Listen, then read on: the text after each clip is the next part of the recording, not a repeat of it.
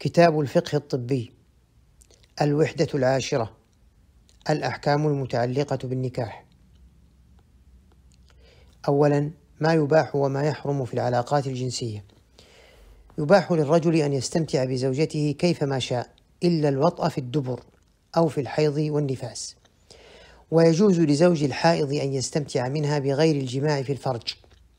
ويحرم على الرجل وطء المرأة وهي حائض حتى تطهر. فإن وطئها فقد ارتكب إثما عظيما وعليه التوبة والاستغفار.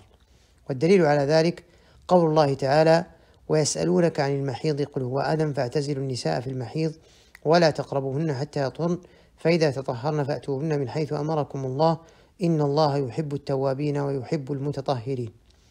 وعن أنس رضي الله عنه أن اليهود كانوا إذا حاضت المرأة فيهم لم يؤكلوها ولم يجامعوها في البيوت ولم يجامعوهن في البيوت. فسأل أصحاب النبي صلى رضي الله عنهم النبي صلى الله عليه وسلم فأنزل الله تعالى ويسألونك عن المحيض قل هو أدم فاعتزلوا النساء في المحيض. فقال رسول الله صلى الله عليه وسلم اصنعوا كل, كل شيء إلا النكاح. وحكى النووي الإجماع على ذلك ويحرم إتيان المرأة في دبورها لقوله سبحانه وتعالى فإذا تطهرن فأتوهن من حيث أمركم الله. يعني في القبل وهو موضع الحرث. ويؤيده قوله سبحانه نساؤكم حرث لكم فأتوا حرثكم أن شئتم. والدبر ليس موضعا للحرث. وعن أبي هريرة رضي الله عنه قال قال رسول الله صلى الله عليه وسلم ملعون من أتى امرأته في دبرها. ثانيا الأمراض الوراثية. وسائل الحماية من الأمراض الوراثية وحكمها. واحد الفحص الطبي قبل الزواج. يقصد به مجموعة الفحوصات التي تجرى للمقبلين على الزواج قبل العقد للتحقق من خلوهما من الأمراض التي تؤثر على الزوجين أو على ذريتهما مستقبلا. ويستهدف هذا الفحص خلو كل من الرجل والمرأة المقبلين على الزواج من الأمراض واسعة الانتشار التي تشكل خطرا على الزوجين حال إتمام الزواج أو على ذريتهما حالة الإنجاب. وهذا الفعل مشروع ويتفق مع مقاصد الشريعة وتحقيق جنس المصالح التي شهد الشارع باعتبارها ودليل ذلك قول الله تعالى هنالك دعا زكريا ربه قال رب هب لي من لدنك ذرية طيبة إنك سميع الدعاء وقوله تعالى والذين يقولون ربنا هب لنا من أزواجنا وذرياتنا قرة أعين واجعلنا للمتقين إماما دلت الآية الأولى على أن من من دعاء الأنبياء عليهم الصلاة والسلام أنهم يسألون ربهم أن يرزقهم ذرية طيبة. ودلت الآية الثانية على أن المؤمنين يدعون ربهم أن تقر أعينهم بأزواجهم وذرياتهم. ولا تكون الذرية طيبة وقرة عين إذا كان فيها من هو مصاب بمرض وراثي. قد يؤدي إلى كونه مشوه الخلقة أو ناقص الأعضاء أو مختل العقل. ثلاثة تنص القاعدة الشرعية على أن الضرر يزال. وعدم إجراء الفحص فيه ضرر بالذرية في حالة كون الوالدين حاملين للجينات المعتلة لأن ذلك يؤدي إلى احتمال انتقال هذه الجينات إلى الذرية ومن ثم إصابة بعضها بهذا المرض الوراثي الذي يسببه هذا الجين المعتل. والفحص الجيني يحصل به معرفة سلامة الراغمين في الزواج من الأمراض الوراثية الشائعة فيكون مشروعا درءا لهذا الضرر. أربعة إن إجراء الفحص من شأنه الحفاظ على النسل والذرية وهو واحد من الضروريات الخمس التي تضافرت العديد من النصوص الشرعية على قصد الشارع الحفاظ عليه من جانبي الوجود والعدم. والوقوف على حالة كل من الرجل والمرأة قبل الزواج يمكن أن يكون من وسائل حفظ النسل فهو يقلل من نسبة الأمراض الوراثية التي تنتقل من الآباء إلى الأبناء حيث إن بعض هذه الأمراض الوراثية يمكن الوقاية منه وتفادي آثارها قبل وقوعها. قال الإمام الغزالي مقصود الشرع من الخلق خمسة. وهو أن يحفظ عليهم دينهم ونفسهم وعقلهم ونسلهم ومالهم. فكل ما يتضمن حفظ هذه الأصول الخمسة فهو مصلحة وكل ما يفوت هذه الأصول فهو مفسدة ودفعها مصلحة. خمسة بالإضافة إلى وجوب دفع الضرر قبل وقوعه بكل الوسائل المتاحة لأن الوقاية خير من العلاج وهذا ما تفيده القواعد الكلية مثل الضرر يدفع قدر الإمكان ودرء المفاسد أولى من جلب المنافع. ويجوز للدولة الإجبار على الفحص الطبي إذا انتشر الوباء في بلد معين أو اقتضته المصالح العامة ولكن يجب الحفاظ على نتائج الفحص وعدم إظهارها إلا بقدر ما تقتضيه الضرورة أو الحاجة الملحة حماية لأسرار الناس التي هي من مقاصد الشريعة. ولولي المرأة أن يشترط على المتقدم للخطبة إجراء الفحص إذا كانت هناك قرائن تدل على احتمال الإصابة بالمرض سواء للمخطوبة أو للذرية مستقبلا. اثنين البعد عن الزواج بين الأقارب. دل الشرع على إباحة الزواج بين الأقارب كما جاء صريحا في قوله تعالى: يا أيها النبي إنا أحللنا لك أزواجك اللاتي آتيت أجورهن وما ملكت يمينك مما أفاء الله عليك وبنات عمك وبنات عماتك وبنات خالك وبنات خالاتك اللاتي هاجرن معك وورد ما يدل على إباحة ذلك من فعل النبي صلى الله عليه وآله وسلم فقد تزوج ابنة عمته زينب بنت جحش رضي الله عنها وزوج ابنته فاطمة من ابن عمها القريب علي بن أبي طالب رضي الله عنهما. وقد ذكر بعض الأطباء أن الزواج من الأقارب يترتب عليه أمراض جينية في الجنين فيسبب ذلك ضعف الخلقة للأبناء ووجود مشاكل صحية ونفسية فيه مما جعلهم لا ينصحون بذلك طبيا ويحذرون منه وقد خالفهم أطباء معتبرون وقرروا أنه أمر لا محذور فيه ولا يسوغ من منعه وليس في ذلك قاعدة عامة وخلصوا إلى أن زواج الأقارب ليس ضارا غالبا وما يذكر من نسبة الإصابة للولد فضائلة جدا لا تقضي بمنع زواج الأقارب ولا التحذير منه. لكن إن ثبت أن الطرفين الخاطبة والمخطوبة مصابان بالصفة المرضية نفسها وأنهما إن تزوجا فقد يؤدي هذا إلى احتمال إنجاب أطفال مصابين بأمراض وراثية فالأولى لهما هو العدول عن هذا الزواج ويكره لهما الإقدام عليه. وقد يحرم إن غلب على الظن إصابة الأبناء بالمرض الوراثي. ب. حكم فسخ النكاح بسبب المرض الوراثي. كل عيب ينفر أحد الزوجين منه ولا يحصل به مقصود النكاح وكل مرض خطير يؤدي إلى العدوى بين الزوجين أو حتى في نسلهما فإنه يثبت به الخيار للزوجين ومن هذه الأمراض من هذه الأمراض الوراثية. وإذا كان الفقهاء قد ذكروا جملة من العيوب التي يفسخ بها عقد النكاح فإن كثيرا منها دون الأمراض الوراثية في الخطورة لا سيما وأنها من الأمراض المعدية. والدليل على ذلك ما ثبت عن عمر رضي الله عنه من التفريق بالبرص والجنون والجذام حيث قال أيما رجل تزوج امرأة وبها جنون أو جذام أو برص فمسها فلها صداقها كاملة وذلك لزوجها غرم على وليها. والأمراض الوراثية شبيهة بالجذام بل قد تكون أقبح وأخطر منه وهذا العيب يثبت به الفسخ سواء كان قبل العقد أو بعده ولو علم أحد الزوجين بهذا العيب ورضي به فله ذلك لأن الحق له. ثالثا التلقيح الصناعي. العقم مرض من أمراض البدن التي يندب لها التداوي، فإذا وجد الإنسان له الدواء المناسب فلا بأس بذلك، حيث إن طلب الحصول على الولد أمر فطري في الإنسان، ومقصد من أعظم المقاصد الشرعية للنكاح. فإذا لم يمكن العلاج عن طريق الدواء فمن الممكن أن يتم أن يتم أن يتم عن طريق التلقيح الصناعي. وبيان ذلك ألف أنواع التلقيح الصناعي وصوره وحكم كل صورة. الحمل بواسطة التلقيح الصناعي له صور متعددة. منها الجائز ومنها المحرم وهو ينقسم إلى قسمين داخلي وخارجي.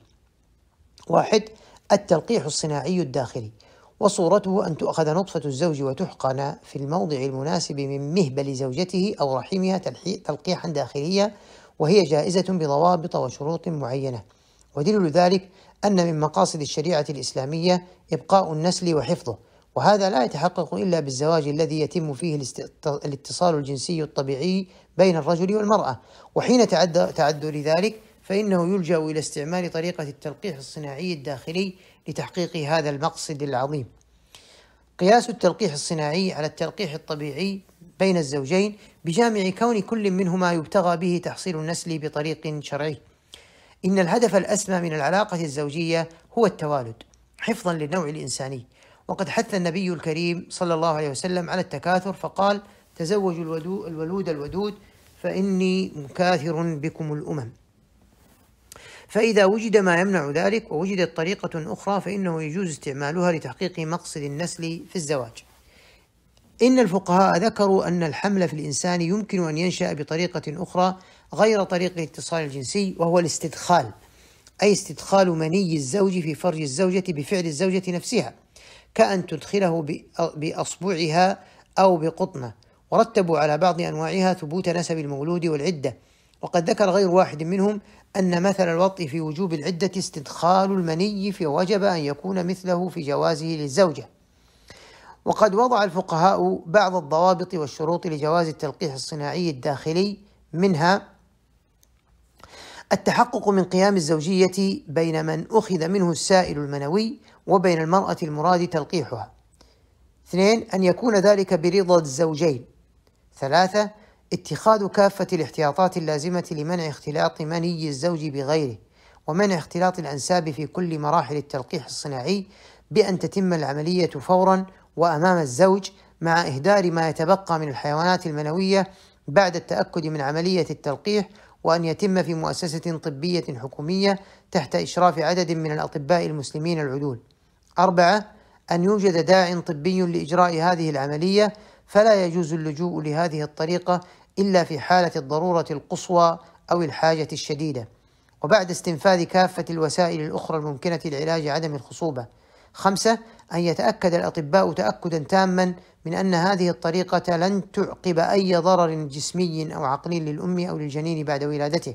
ستة ألا تترتب على هذه الطريقة مخالفة شرعية كالخلوة بين المعالج والمرأة وأن يتقيد الانكشاف بقدر الحاجة. اثنين التلقيح الصناعي الخارجي ومن صوره الأولى أن تؤخذ نطفة من زوج وبويضة من زوجته ويتم التلقيح خارجيا ثم تزرع اللقيحة في رحم الزوجة. وهذه الصورة جائزة ودليل ذلك أن النسل نعمة من الله تعالى امتن بها على أفضل خلقه وهم الرسل والأنبياء وحببها وزينها لجميع الناس. زين للناس حب الشهوات من النساء والبنين. والتمتع بنعم الله وزينته أمر جائز ومشروع. فإذا وجد ما يحول دون التمتع بنعم الله فإنه يجوز إزالته. وإذا ما وجد ما يحقق التمتع بزينة الله ونعمته فلا يوجد مانع من الأخذ به.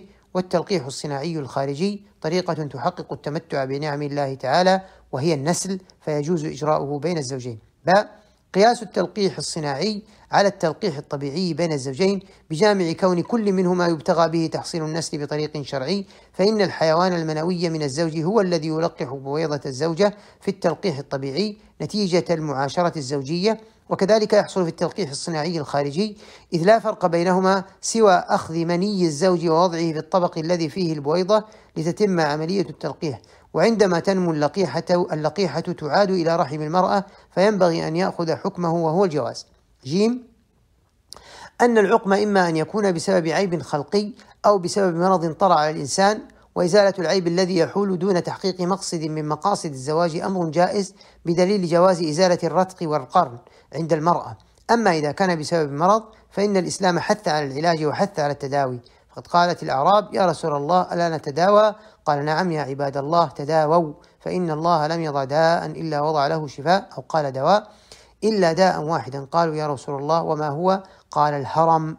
فعلاج العقم أمر جائز شرعا والتلقيح الخارجي هو طريقة لعلاج العقم بالحصول على ولد من ماء الزوجين ويعتبر من قبيل التداوي فيكون جائزا شرعا. شروط جواز التلقيح الصناعي الخارجي. للتلقيح الصناعي الخارجي شروط بالإضافة إلى ما تقدم من شروط التلقيح الصناعي الداخلي من أهمها عدم تدخل أي عنصر أجنبي عن الزوجين نطفة بويضة رحم منعا لاختلاط الأنساب. أن يكون ذلك أثناء قيام الحياة الزوجية فلا يجوز إجراء العملية بعد وفاة الزوج أو بعد الطلاق من خلال المني المحفوظ في بنوك المني. الثانية أن يجرى التلقيح بين نطفة رجل غير الزوج وبويضة الزوجة ثم تزرع, تزرع تلك اللقيحة في رحم الزوجة الثالثة أن يجرى تلقيح خارجي بين بذرتي زوجين ثم تزرع اللقيحة في رحم امرأة متطوعة بحملها. الرابعة أن يجرى تلقيح خارجي بين بذرتي رجل أجنبي وبويضة امرأة أجنبية وتزرع اللقيحة في رحم الزوجة. الخامسة أن يجرى تلقيح بين نطفة مأخوذة من زوج وبويضة, وبويضة مأخوذة من امرأة ليست زوجته ثم تزرع اللقيحة في رحم زوجته. السادسة أن يجرى تلقيح خارجي بين بذرتي زوجين ثم تزرع اللقيحة في رحم الزوجة الأخرى وهذه الصور كلها محرمة شرعا وممنوعة منعا باتا لذاتها أو لما يترتب عليها من اختلاط الأنساب وضياع الأمومة وغير ذلك من المحاذير الشرعية ومن الأدلة أيضا قول الله تعالى وعلى المولود له رزقهن وكسوتهن بالمعروف وقوله تعالى ادعوهم لآبائهم هو أقسط عند الله وجه الدلالة أن الأب هو المولود له أي الزوج الذي يخلق المولود من مائه فهو صاحب حق النسب الذي يجب أن ينسب الولد له. والتلقيح بهذه الصورة يتنافى مع مفهوم القرآن للأبوة إذ إن فيه خلطا للأنساب. وقول الله تعالى والذين هم لفروجهم حافظون إلا على أزواجهم أو ما ملكت أيمانهم فإنهم غير ملومين. وجه الدلالة أن الآيتين تضمنتا الأمر بحفظ الفرج من الغير باستثناء الأزواج وحفظ الفرج يكون حفظا مطلقا يشمل حفظه من النظر إليه أو لمسه كما يشمل حفظه من أن تدخل نطفة لأجنبي فيه. أن هذه الصور هي في معنى الزنا لأن جوهرها واحد ونتيجتها واحدة وهي وضع ماء رجل أجنبي في رحم امرأة ليس بينها وبينه عقد ارتباط بزوجية شرعية. لذلك تأخذ حكمه من حيث من حيث التحريم. باء حكم الاستفادة من البويضات الملقحة في الأبحاث والتجارب. يجوز إجراء الأبحاث والتجارب على الأجنة المجمدة على الصحيح من أقوال الفقهاء. وإليه ذهب المجمع الفقهي الإسلامي المنبثق عن رابطة العالم الإسلامي والمنظمة الإسلامية للعلوم الطبية بالكويت بالأكثرية. فقد جاء في قرار المجمع بشأن الخلايا الجذعية في الدورة السابعة عشرة المنعقدة في 19 آه، إلى 23 10 1424 الموافق 13 إلى 17 12 2003 يجوز الحصول على الخلايا الجذعية وتنميتها واستخدامها بهدف العلاج أو لإجراء الأبحاث العلمية المباحة إذا كان مصدرها مباحا ومن ذلك على سبيل المثال المصادر الآتية. اللقائح الفائضة من مشاريع أطفال الأنابيب إذا وجدت وتبرع بها الوالدان مع التأكيد على أنه لا يجوز استخدامها في حمل غير مشروع لكن هذا الجواز له شروط ستة واحد أن تتفق هذه الأبحاث مع المقاصد العامة للشريعة فلا يجوز إجراء التجارب التي يراد بها تغيير فطرة الله أو استغلال العلم للشر والفساد. اثنين أن يكون المقصود من الأبحاث والتجارب تحقيق مصالح شرعية معتبرة لا تقل عن الحاجيات ولا تنزل إلى مرتبة التحسينيات فلا يصح أن يكون الغرض من إجراء التجارب على الأجنة استخراج مستحضرات التجميل على سبيل المثال. ثلاثة عدم وجود البديل عن البويضات الملقحة لتحقيق المصالح المبتغاة بحيث يتعين إجراء التجارب عليها. أربعة عدم نقل اللقائح المستخدمة في البحث العلمي إلى الرحم. خمسة موافقة الزوجين موافقة صريحة. ستة موافقة الجهات المختصة والقيام بالأبحاث تحت إشرافها للتحقق من توفر الشروط المتقدمة. والأدلة على جواز إجراء التجارب التجارب بالشروط السابقة على البويضات الملقحة ما يلي: واحد أن الأبحاث والتجارب على البويضات الملقحة لا تجرى على جنين ولا على إنسان، وإنما تجرى على مجموعة من الخلايا. اثنين أن هناك مصالح كثيرة مترتبة على إجراء الأبحاث والتجارب على البويضات الملقحات الملقحة، وهذه المصالح تتمثل في تحقيق الأنجاب الإنجاب للزوجين، ومعرفة قدرة الحيوان المنوي على التلقيح، ومعرفة الأسباب التي تؤدي إلى غلوق البويضة الملقحة في علوق البويضة الملقحة في جدار الرحم أو عدمه وغير ذلك من المصالح. والحياة الموجودة فيها مهدرة بالنسبة لهذه المصالح لأن الاحترام لها إنما يكون بعد نفخ الروح فيها. ثلاثة أن البويضات الملقحة الزائدة لا تخلو من أحد احتمالين. ألف أن تترك في أنبوب الاختبار لتنمو ومآلها إلى التلف لأن أقصى مدة سجلت لنموها 16 يوما. باء أن تحفظ بعد التبريد لإجراء الأبحاث والتجارب عليها. وفي كلا الاحتمالين يستوي مصير البويضات الملقحة إذ إن مآلها إلى الموت ولا شك أن الاحتمال الثاني أولى لما يترتب عليه من المصالح. رابعا الإجهاض. ألف أنواع الإجهاض بحسب دوافعه وحكم كل نوع. واحد الإجهاض الطبيعي وهو الذي يحصل بدون إرادة أو تدخل خارجي وهذا لا يوصف بحل ولا حرمة لأنه يحصل من غير إرادة ولا قصد. ومن ثم فلا يترتب عليه إثم ولا مؤاخذة لأن المقاصد معتبرة شرعا ولا قصد هنا في الإسقاط. اثنين الإجهاض لدوافع أخلاقية. إما أن يكون الزنا حاصلا برضا الطرفين أو بإكراه من الرجل المرأة والاغتصاب. ألف فإن كان برضا الطرفين فلا خلاف بين العلماء أن الجنين إذا نفخت فيه الروح فلا يجوز إسقاطه ما لم تتعرض أمه للخطر لأنه أصبح نفسا إنسانية لها من الحقوق والواجبات مثل ما للحي وأما إذا كان الجنين لم تنفخ فيه الروح فقد اختلف فيه العلماء بين مجوز ومحرم والأحوط في هذا هو التفصيل. فإن كانت المرأة التي ابتليت بذلك معروفة بالصلاح والعفة وكان الحمل في الأربعين الأولى من عمره فإن لا فإنه لا مانع من القول بإسقاطه لما يحققه من ستر المرأة ودرء المخاطر عنها والإعانة لها على التوبة. وأما إذا تجاوز الحمل الأربعين الأولى من عمره حيث يبدأ التخلق أو كانت المرأة معروفة بالفساد واقتراف الحرام فإن القول بمنع ذلك هو الأقرب لمقاصد الشرع الداعية لسد ذرائع الفساد والمحافظة على الأنفس. باء إذا كان بإكراه على المرأة وهو ما يعرف بالاغتصاب فلا خلاف بين العلماء في عدم جواز إسقاط الجنين إذا بلغ مرحلة نفخ الروح ما لم تتعرض أمه للخطر ولا خلاف أنه إذا كان في فترة الأربعين الأولى من عمره أنه يجوز إسقاطه وذلك لأنه يمكن اعتبار مثل هذه الحالة ضرورة أو تنزل منزلتها والضرورات تبيح المحظورات والضرر يزال كما هو مقرر في قواعد الشرع. أن استمرار الحمل قد تنشأ عنه أمراض جسيمة ومتاعب نفسية للمرأة وقد يشكل خطرا على حياتها وقد ذكر الحنفية أسبابا للإجهاض هي أقل من هذا كعدم إمكان إرضاع الجنين فلأن فلأن يجوزوه بهذا السبب أو لا وأما إذا كان الجنين قد تجاوز الأربعين الأولى من عمره ولم تنفخ فيه الروح فإن كانت الآثار الناتجة عن الاغتصاب يمكن التخفيف منها بتغيير بيئة المرأة ونحو ذلك فالأولى القول بعدم الجواز. وإن كانت آثار الاغتصاب لا تتحملها المرأة بحيث يخشى عليها من ضرر نفسي أو عقلي أو حسي إذا لم تجهض فإن الأولى القول بالجواز لما يلي. أن المرأة لا يد لها في في الجريمة وقد أمكن التخفيف عنها بالإجهاض قبل نفخ الروح فيجوز. أنه يمكن اعتبار هذه الحالة ضرورة أو حاجة تنزل منزلتها فيجوز ذلك لتوفر عناصر الضرورة. ويلحق بالاغتصاب ما يقع من حوادث لا دخل المرأة فيها كما لو وقع الزنا بها وهي نائمة أو تحت تأثير مخدر ونحو ذلك. ثلاثة الإجهاض لدوافع مرضية أو علاجية. وتنقسم هذه الحالة إلى قسمين. القسم الأول الإجهاض خوفا من مرض الأم أو موتها والدافع إلى الإجهاض هنا قد يكون مرضيا أو علاجيا. وضابط المرضي أن تكون المرأة بحالة طبيعية لم يطرأ عليها شيء من مظاهر الخطر وإنما هو تنبؤ من الطبيب بناء على قرائن توجب الخوف.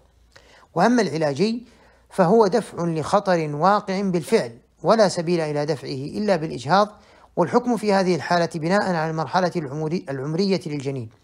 فإن كان في مرحلة ما قبل نفخ الروح وهي 120 يوما فيجوز الإجهاض إذا توقفت عليه حياة الأم بل قال البعض بوجوبه. ودليل ذلك القواعد الشرعية العامة الداعية إلى رفع الضرر ومنها الضرر الأشد يزال بالضرر الأخف لأن المحافظة على حياة مستقرة أولى من المحافظة على جماد لم ينفخ فيه الروح بعد. أن فقهاء الحنفية أجازوا إجهاض الجنين قبل نفخ الروح لعذر كعدم وجود المرضع فلأن يجزوه مع دواعي هلاكه وهلاك أمه بسببه أو لا. أن للأم حقوقا وعليها واجبات ولها حظ مستقل في الحياة. فلا يضحى بالأم في سبيل جنين لم تستقل حياته ولم يثبت له شيء من الحقوق. وهذا الحكم له ضوابط. الأولى وجود خطر حقيقي يعرض حياة الأم للخطر إذا لم يجهض آه، إذا لم يجهض الجنين الثاني إثبات الخطر بشهادة طبيبين عدلين متخصصين. الثالث أن تكون الخطورة مرتبطة ببقاء الجنين ببطن أمه.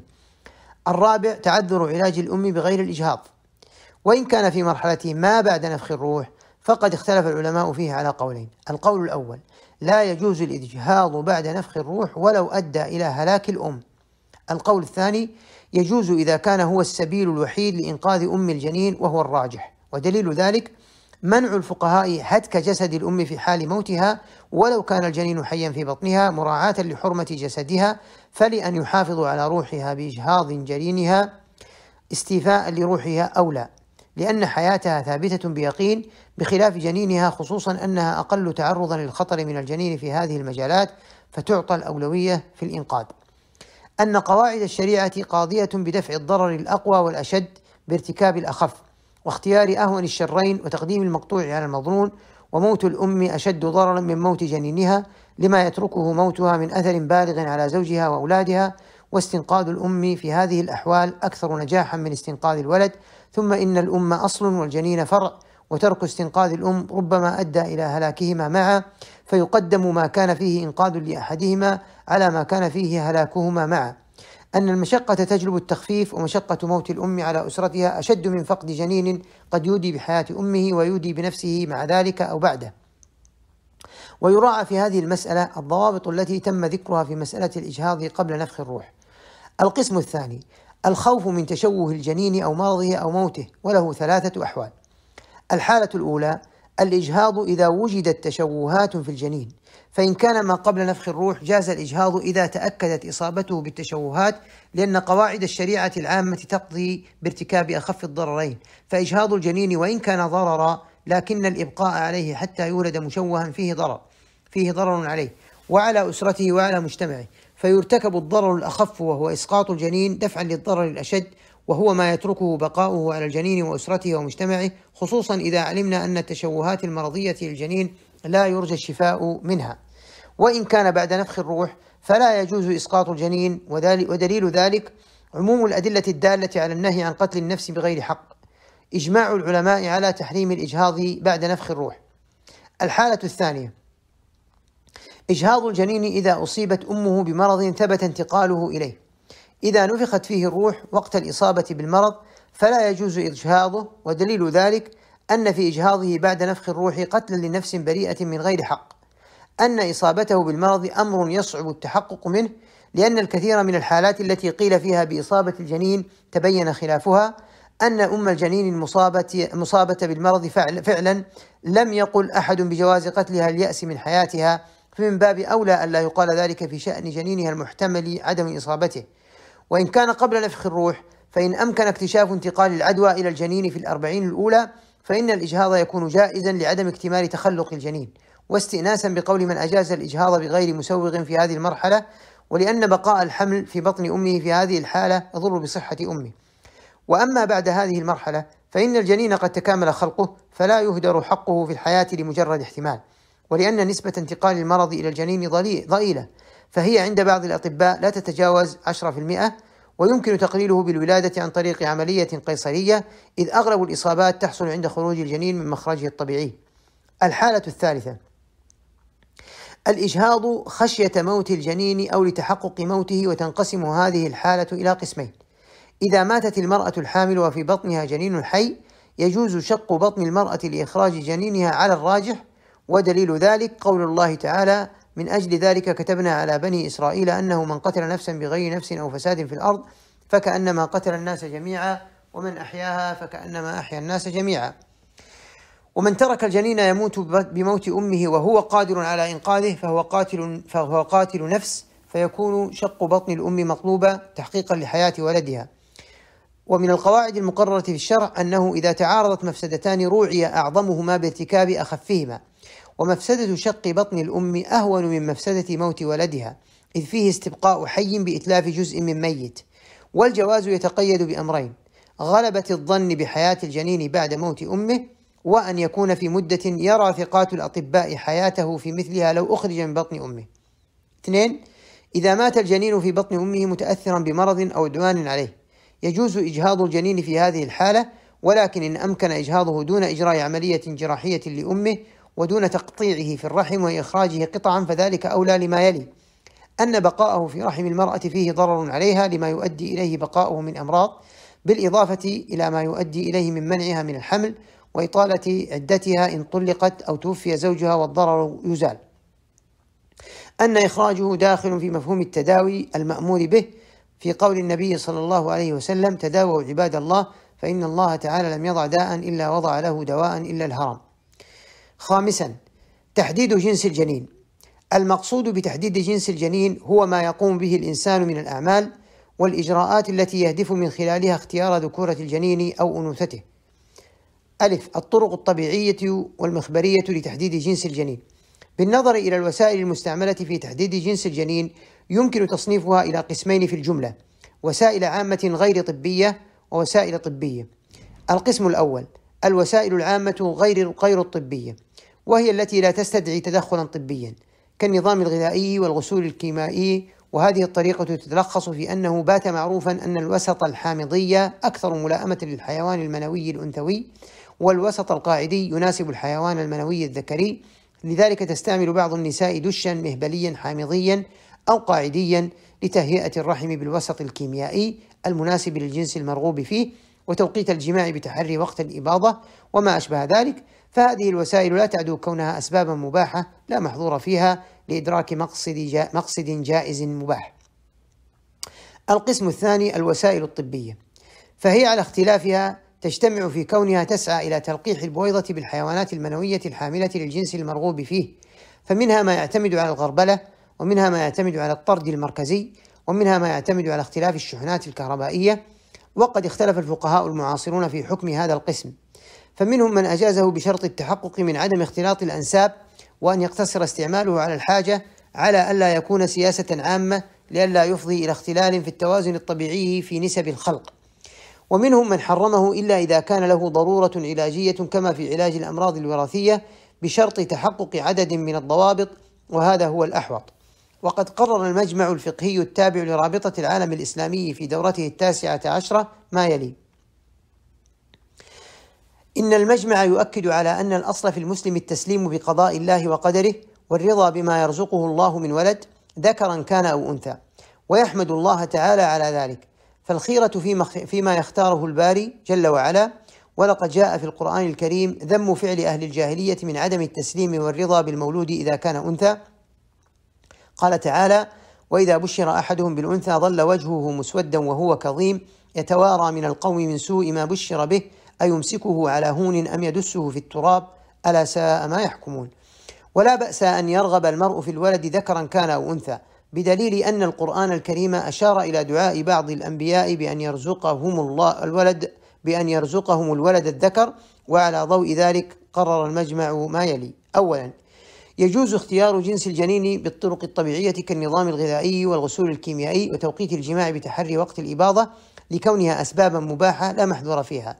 ثانيا لا يجوز أي تدخل طبي لاختيار جنس الجنين إلا في حال الضرورة العلاجية في الأمراض الوراثية التي تصيب الذكور دون الإناث أو بالعكس فيجوز حينئذ التدخل بالضوابط الشرعية المقررة على أن يكون ذلك بقرار من لجنة طبية مختصة لا يقل عدد أعضائها عن ثلاثة من الأطباء العدول تقدم تقريرا طبيا بالإجماع يؤكد أن حالة المريضة تستدعي أن يكون هناك تدخل طبي حتى لا يصاب الجنين بالمرض الوراثي ومن ثم يعرض هذا التقرير على جهة الإفتاء المختصة لإصدار ما تراه في ذلك. ثالثا ضرورة إيجاد جهات للرقابة المباشرة والدقيقة على المستشفيات والمراكز الطبية التي تمارس مثل هذه العمليات في الدول الإسلامية لتمنع أي مخالفة لمضمون هذا القرار وعلى الجهات المختصة في الدول الإسلامية إصدار الأنظمة والتعليمات في ذلك.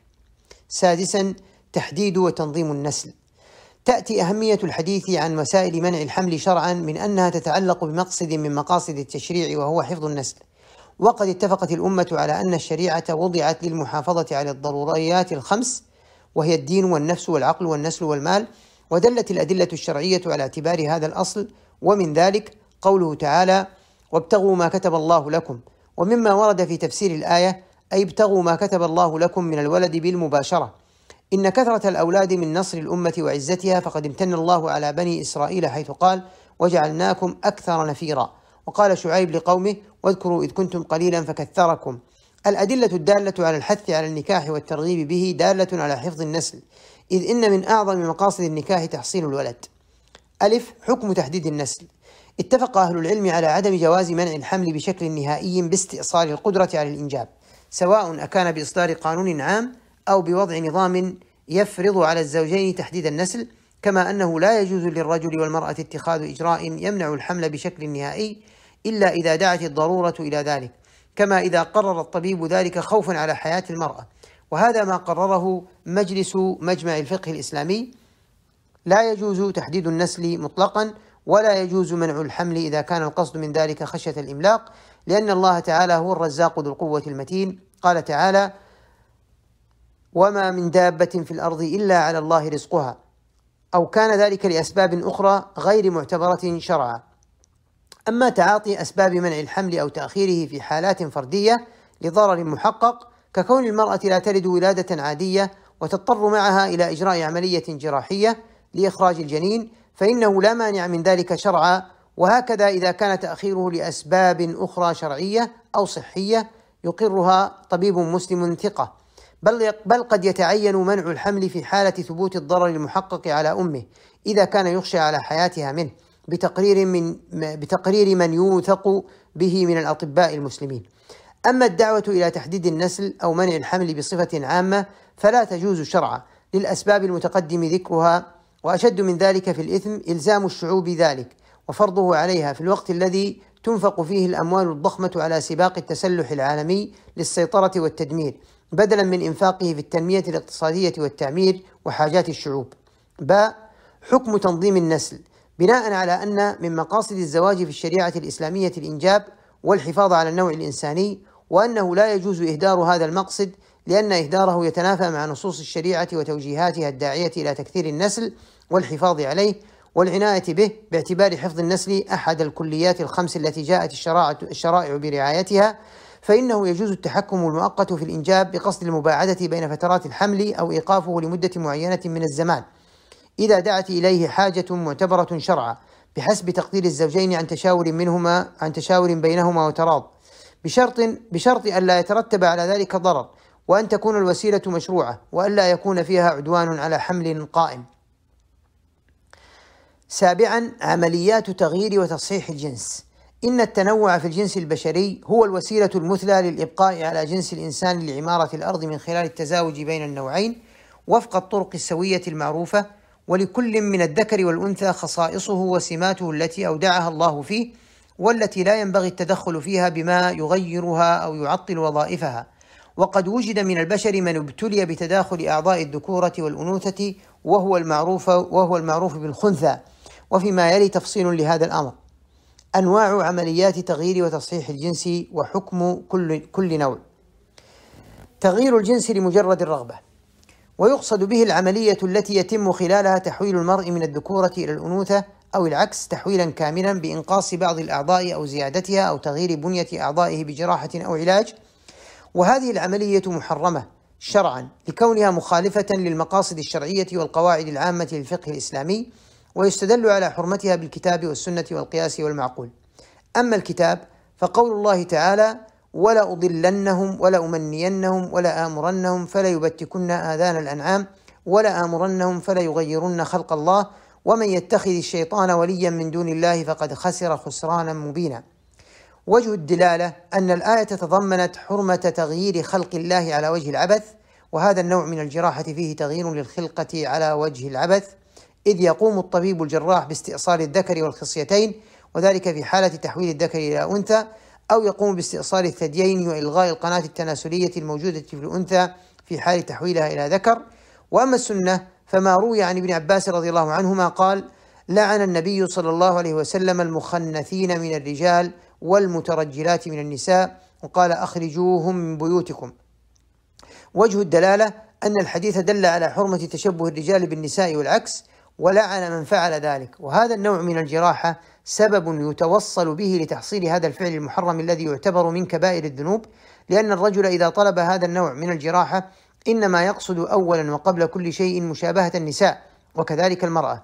وأما القياس فقياس حرمة التحول من جنس إلى آخر جراحيا على حرمة التشبه بالرجال أو النساء بجامع الخروج المتعمد عن أصل الخلقة في كل. وكذلك قياسا على وصل الشعر والوشم ونحوهما بجامع وقوع التغيير في كل وأما المعقول فمن أوجه الوجه الأول أن هذه الجراحة لا مبرر لها من الشرع ولا من الطب حيث لم تدعو لها ضرورة معتبرة شرعا ولا تحقق لمن يجريها مصلحة شرعية ولا صحية فضلا عما تلحقه به من مفاسد وأضرار. الوجه الثاني أن في هذه العملية اطلاعا على العورة بدون ضرورة شرعية. الوجه الثالث أن هذه العملية تشتمل على الغش والتدليس وقد وردت نصوص السنة تنهى عن الغش. قال رسول الله صلى الله عليه وسلم من غشنا فليس منا. الوجه الرابع اشتمال هذه العملية على أضرار صحية ونفسية واجتماعية إضافة إلى مخاطر التخدير والجراحة التي لا تجوز إلا عند الضرورة. جاء في قرار مجلس الفقه الإسلام مجمع الفقه الإسلامي لرابطة العالم الإسلامي ما يلي. أولا الذكر الذي كملت أعضاء ذكورته والأنثى التي كملت أعضاء أنوثتها لا يحل تحويل أحدهما إلى النوع الآخر ومحاولة التحويل جريمة يستحق فاعلها العقوبة لأنه تغيير لخلق الله. وقد حرم الله سبحانه هذا التغيير بقوله تعالى مخبرا عن قول الشيطان ولآمرنهم فليغيرن خلق الله وقد جاء في صحيح مسلم عن ابن مسعود رضي الله عنه أن النبي صلى الله عليه وسلم قال لعن الله الواشمات والمستوشمات والنامصات والمتنمصات والمتفلجات للحسن المغيرات خلق الله ب تصحيح أو تثبيت الجنس في حالات الخنثى الكاذبة. ويقصد بها الإجراء الجراحي الذي يتم لعلاج الاختلاف بين الأعضاء الجنسية الظاهرة وحقيقة الجنس كما تدل عليها الدلائل الطبية المعتبرة أي أنه قد يكون أنثى في الحقيقة لكن ظاهره ذكر أو العكس وهي عملية جائزة ويستدل على جوازها بما يلي. مشروعية التداوي من العلل والخنوثة علة خلقية. ونصوص الشرع تحث على التداوي على وجه العموم. قال رسول الله صلى الله عليه وسلم إن الله أنزل الداء والدواء وجعل لكل داء دواء فتداووا ولا تداووا بحرام. أن الضرر يزال والخنوثة تحدث ضررا ويتمثل هذا الضرر في القصور في العبادة والآلام النفسية والاجتماعية والجسدية. فيجوز للمسلم رفع هذا الضرر بنص قول النبي صلى الله عليه وسلم لا ضرر ولا ضرار. أن الهدف من إجراء هذه الجراحة هو إرجاع الشيء إلى أصله وحالته الطبيعية من حيث الذكورة والأنوثة وهذا الهدف مشروع وليس من تغيير خلق الله تعالى. جيم تحديد الجنس بالنسبة لغير محددي الجنس وكيفية تحديد جنسهم والمراد بهذا النوع ما لا يمكن تحديد جنسه بسبب اجتماع علامات الذكورة والأنوثة وهو الخنثى الحقيقية عند الأطباء. ويتم تحديد جنسه وفق عدة معايير منها الصبغيات الكروموسومات. الأعضاء الجنسية الداخلية كالمبيض والرحم في الأنثى والبروستاتا والحبل المنوي في الذكر الميول النفسية. وقد جاء في قرار مجلس مجمع الفقه الإسلامي التابع لرابطة العالم الإسلامي من اجتمع في أعضائه علامات النساء والرجال فينظر فيه إلى الغالب من حاله. فإن غلبت عليه الذكورة جاز علاجه طبيا بما يزيل الاشتباه في ذكورته ومن غلبت عليه علامات الأنوثة جاز علاجه طبيا بما يزيل الاشتباه في أنوثته سواء أكان العلاج بالجراحة أو بالهرمونات لأن هذا مرض والعلاج يقصد به الشفاء منه وليس تغييرا لخلق الله. ثامنا حكم عمليات الرتق العذري. البكارة لها أهمية عظيمة في المجتمعات المسلمة لأن وجودها يدل على عفة المرأة وفسادها يجر عليها الظنون وربما ترتب عليها رد فعل عند الزوج وأهل هذه المرأة وربما أدى ذلك إلى وقوع الضرر والطلاق. ألف دوافع عملية الرتق العذري. واحد رتق غشاء البكارة الزانية المشهورة بالزنا للتغطية على جريمتها. اثنين رتق غشاء بكارة المتزوجة للاستمتاع مع الزوج. ثلاثة رتق غشاء بكارة المعيبة خلقيا لعلاج العيب. أربعة رتق غشاء بكارة من زالت بكارتها في حادث أو اغتصاب للستر عليها. خمسة رتق بكارة الزانية التي زنت مرة واحدة أو لم يشتهر أمرها لتشجيعها على التوبة باء حكم الرتق العذري بحسب دوافع إجرائه يمكن تقسيم حالات الرتق العذري إلى خمس حالات هي الحالة الأولى رتق غشاء بكارة الزانية المشهورة بالزنا للتغطية على جريمتها اتفق الفقهاء على حرمة رتق غشاء البكارة جراحيا لمن زالت بكارتها بزنا اشتهر أمره بين الناس ودليل ذلك أن الرتق هنا يخلو من تحقيق أي مصلحة للفتاة ويشتمل على مفسدة كشف مفسدة كشف العورة بدون مبرر شرعي. اثنين اشتمالها على مفاسد عدة أبرزها فتح باب الفاحشة والعون على ارتكابها واشتمالها على الغش في العرض وهذه مفاسد منهي عنها بنصوص صريحة في الشرع. الحالة الثانية رتق غشاء بكارة المتزوجة للاستمتاع بالزوج لا يجوز لمن زالت بكارتها بنكاح رتق رتق غشاء بكارتها سواء كانت الزوجية قائمة أو مطلق قائمة أو مطلقة أو أرملة ودليل ذلك أن هذه الجراحة غير مأمونة النتائج وتؤدي إلى الإضرار بالزوجة وقد تؤدي إلى تلوث هذا المكان بالميكروبات الضارة وكل ذلك منهي عنه شرعا لقول النبي لقول الرسول صلى الله عليه وسلم لا ضرر ولا ضرار اثنين عدم تحقيق أي مصلحة في هذا الأمر بل يشتمل على مفاسد منها كشف العورة بدون ضرورة أو حاجة. ثلاثة أن هذه الحالة يترتب عليها إتلاف المال في غير وجهه وهو إسراف وتبذير يأباه الشرع. قال تعالى ولا تبذر تبذيرا الحالة الثالثة رتق غشاء بكارة المعيبة خلقيا لعلاج العيب. لا يجوز الرتق العذري للفتاة المعيبة خلقيا ككونها بلا بكارة أو بكارتها غير واضحة على الراجح من أقوال العلماء. ودليل ذلك أن مبدأ رتق غشاء البكارة مبدأ غير شرعي لأنه من الغش والغش محرم في الشريعة الإسلامية. قال صلى الله عليه وسلم من غشنا فليس منا وهو غش في العرض بصورة واضحة. خمسة أن مبدأ الرتق يتنافى مع قول الرسول صلى الله عليه وسلم لا يؤمن أحدكم حتى يحب لأخيه ما يحب لنفسه هذا يعني وهذا يعني أن كل مؤمن مأمور أن يحب لأخيه ما يحب لنفسه ويكره له ما يكره لنفسه فهل يحب الطبيب الذي يقوم بإجراء العملية أن يتزوج هذه الفتاة التي رتق بكارتها أو فتاة هذا شأنها؟ الحالة الرابعة رتق غشاء بكارة من زالت بكارتها في حادث ونحوه أو اغتصاب للستر عليها. يجوز رتق غشاء البكارة جراحيا لمن زالت بكارتها بعلة غير مشينة لا دخل لها فيها كحادث من قفزة ونحوها أو تعرض لضرب أو نزيف أو تعرضت لاغتصاب أفقدها بكارتها. ودليل ذلك أن الطفلة الصغيرة التي زالت بكارتها في حادث وهي غير مطيقة للجماع فإنه ينفي عنها شبهة الفاحشة. أن إجراء رتق غشاء البكارة في مثل هذه الحالات يساعد على العفة والطهارة ويزيل العقد عن الفتاة ويقيها من سوء الظن في الحال والاستقبال وهذا فيه تفريج للكرب عن المسلمين. وهذا الجواز له ضوابط لا بد من مراعاتها وهي واحد التأكد من خلو الفتاة المغتصبة من الحمل قبل إجراء جراحة الرتق فإذا تبين وجود حمل حرم إسقاطه وحرم رتق غشاء البكارة لعدم تحقيق أي مصلحة للفتاة في هذه الحالة. الثاني التأكد من ثبوت واقعة الاغتصاب بالقرائن الشرعية المعتبرة.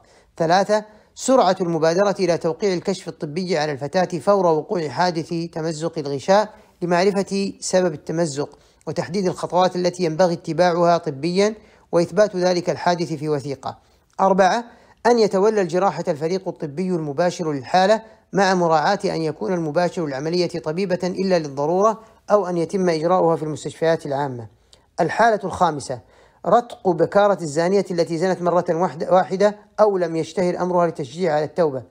يحرم رتق غشاء البكارة جراحيا في هذه الحالة إلحاقا بالزانية المتفق على حرمة الرتق لها ويستدل على هذه الحالة بما تم الاستدلال به على الحالة الأولى قرر مجمع الفقه الدولي في دورته الثامنة عشرة ما يأتي يجوز رتق غشاء البكرة الذي تمزق بسبب حادث أو اغتصاب أو إكراه ولا يجوز شرعا رتق الغشاء المتمزق بسبب ارتكاب الفاحشة سدا لذريعة الفساد والتدليس والأولى أن يتولى ذلك الطبيبات.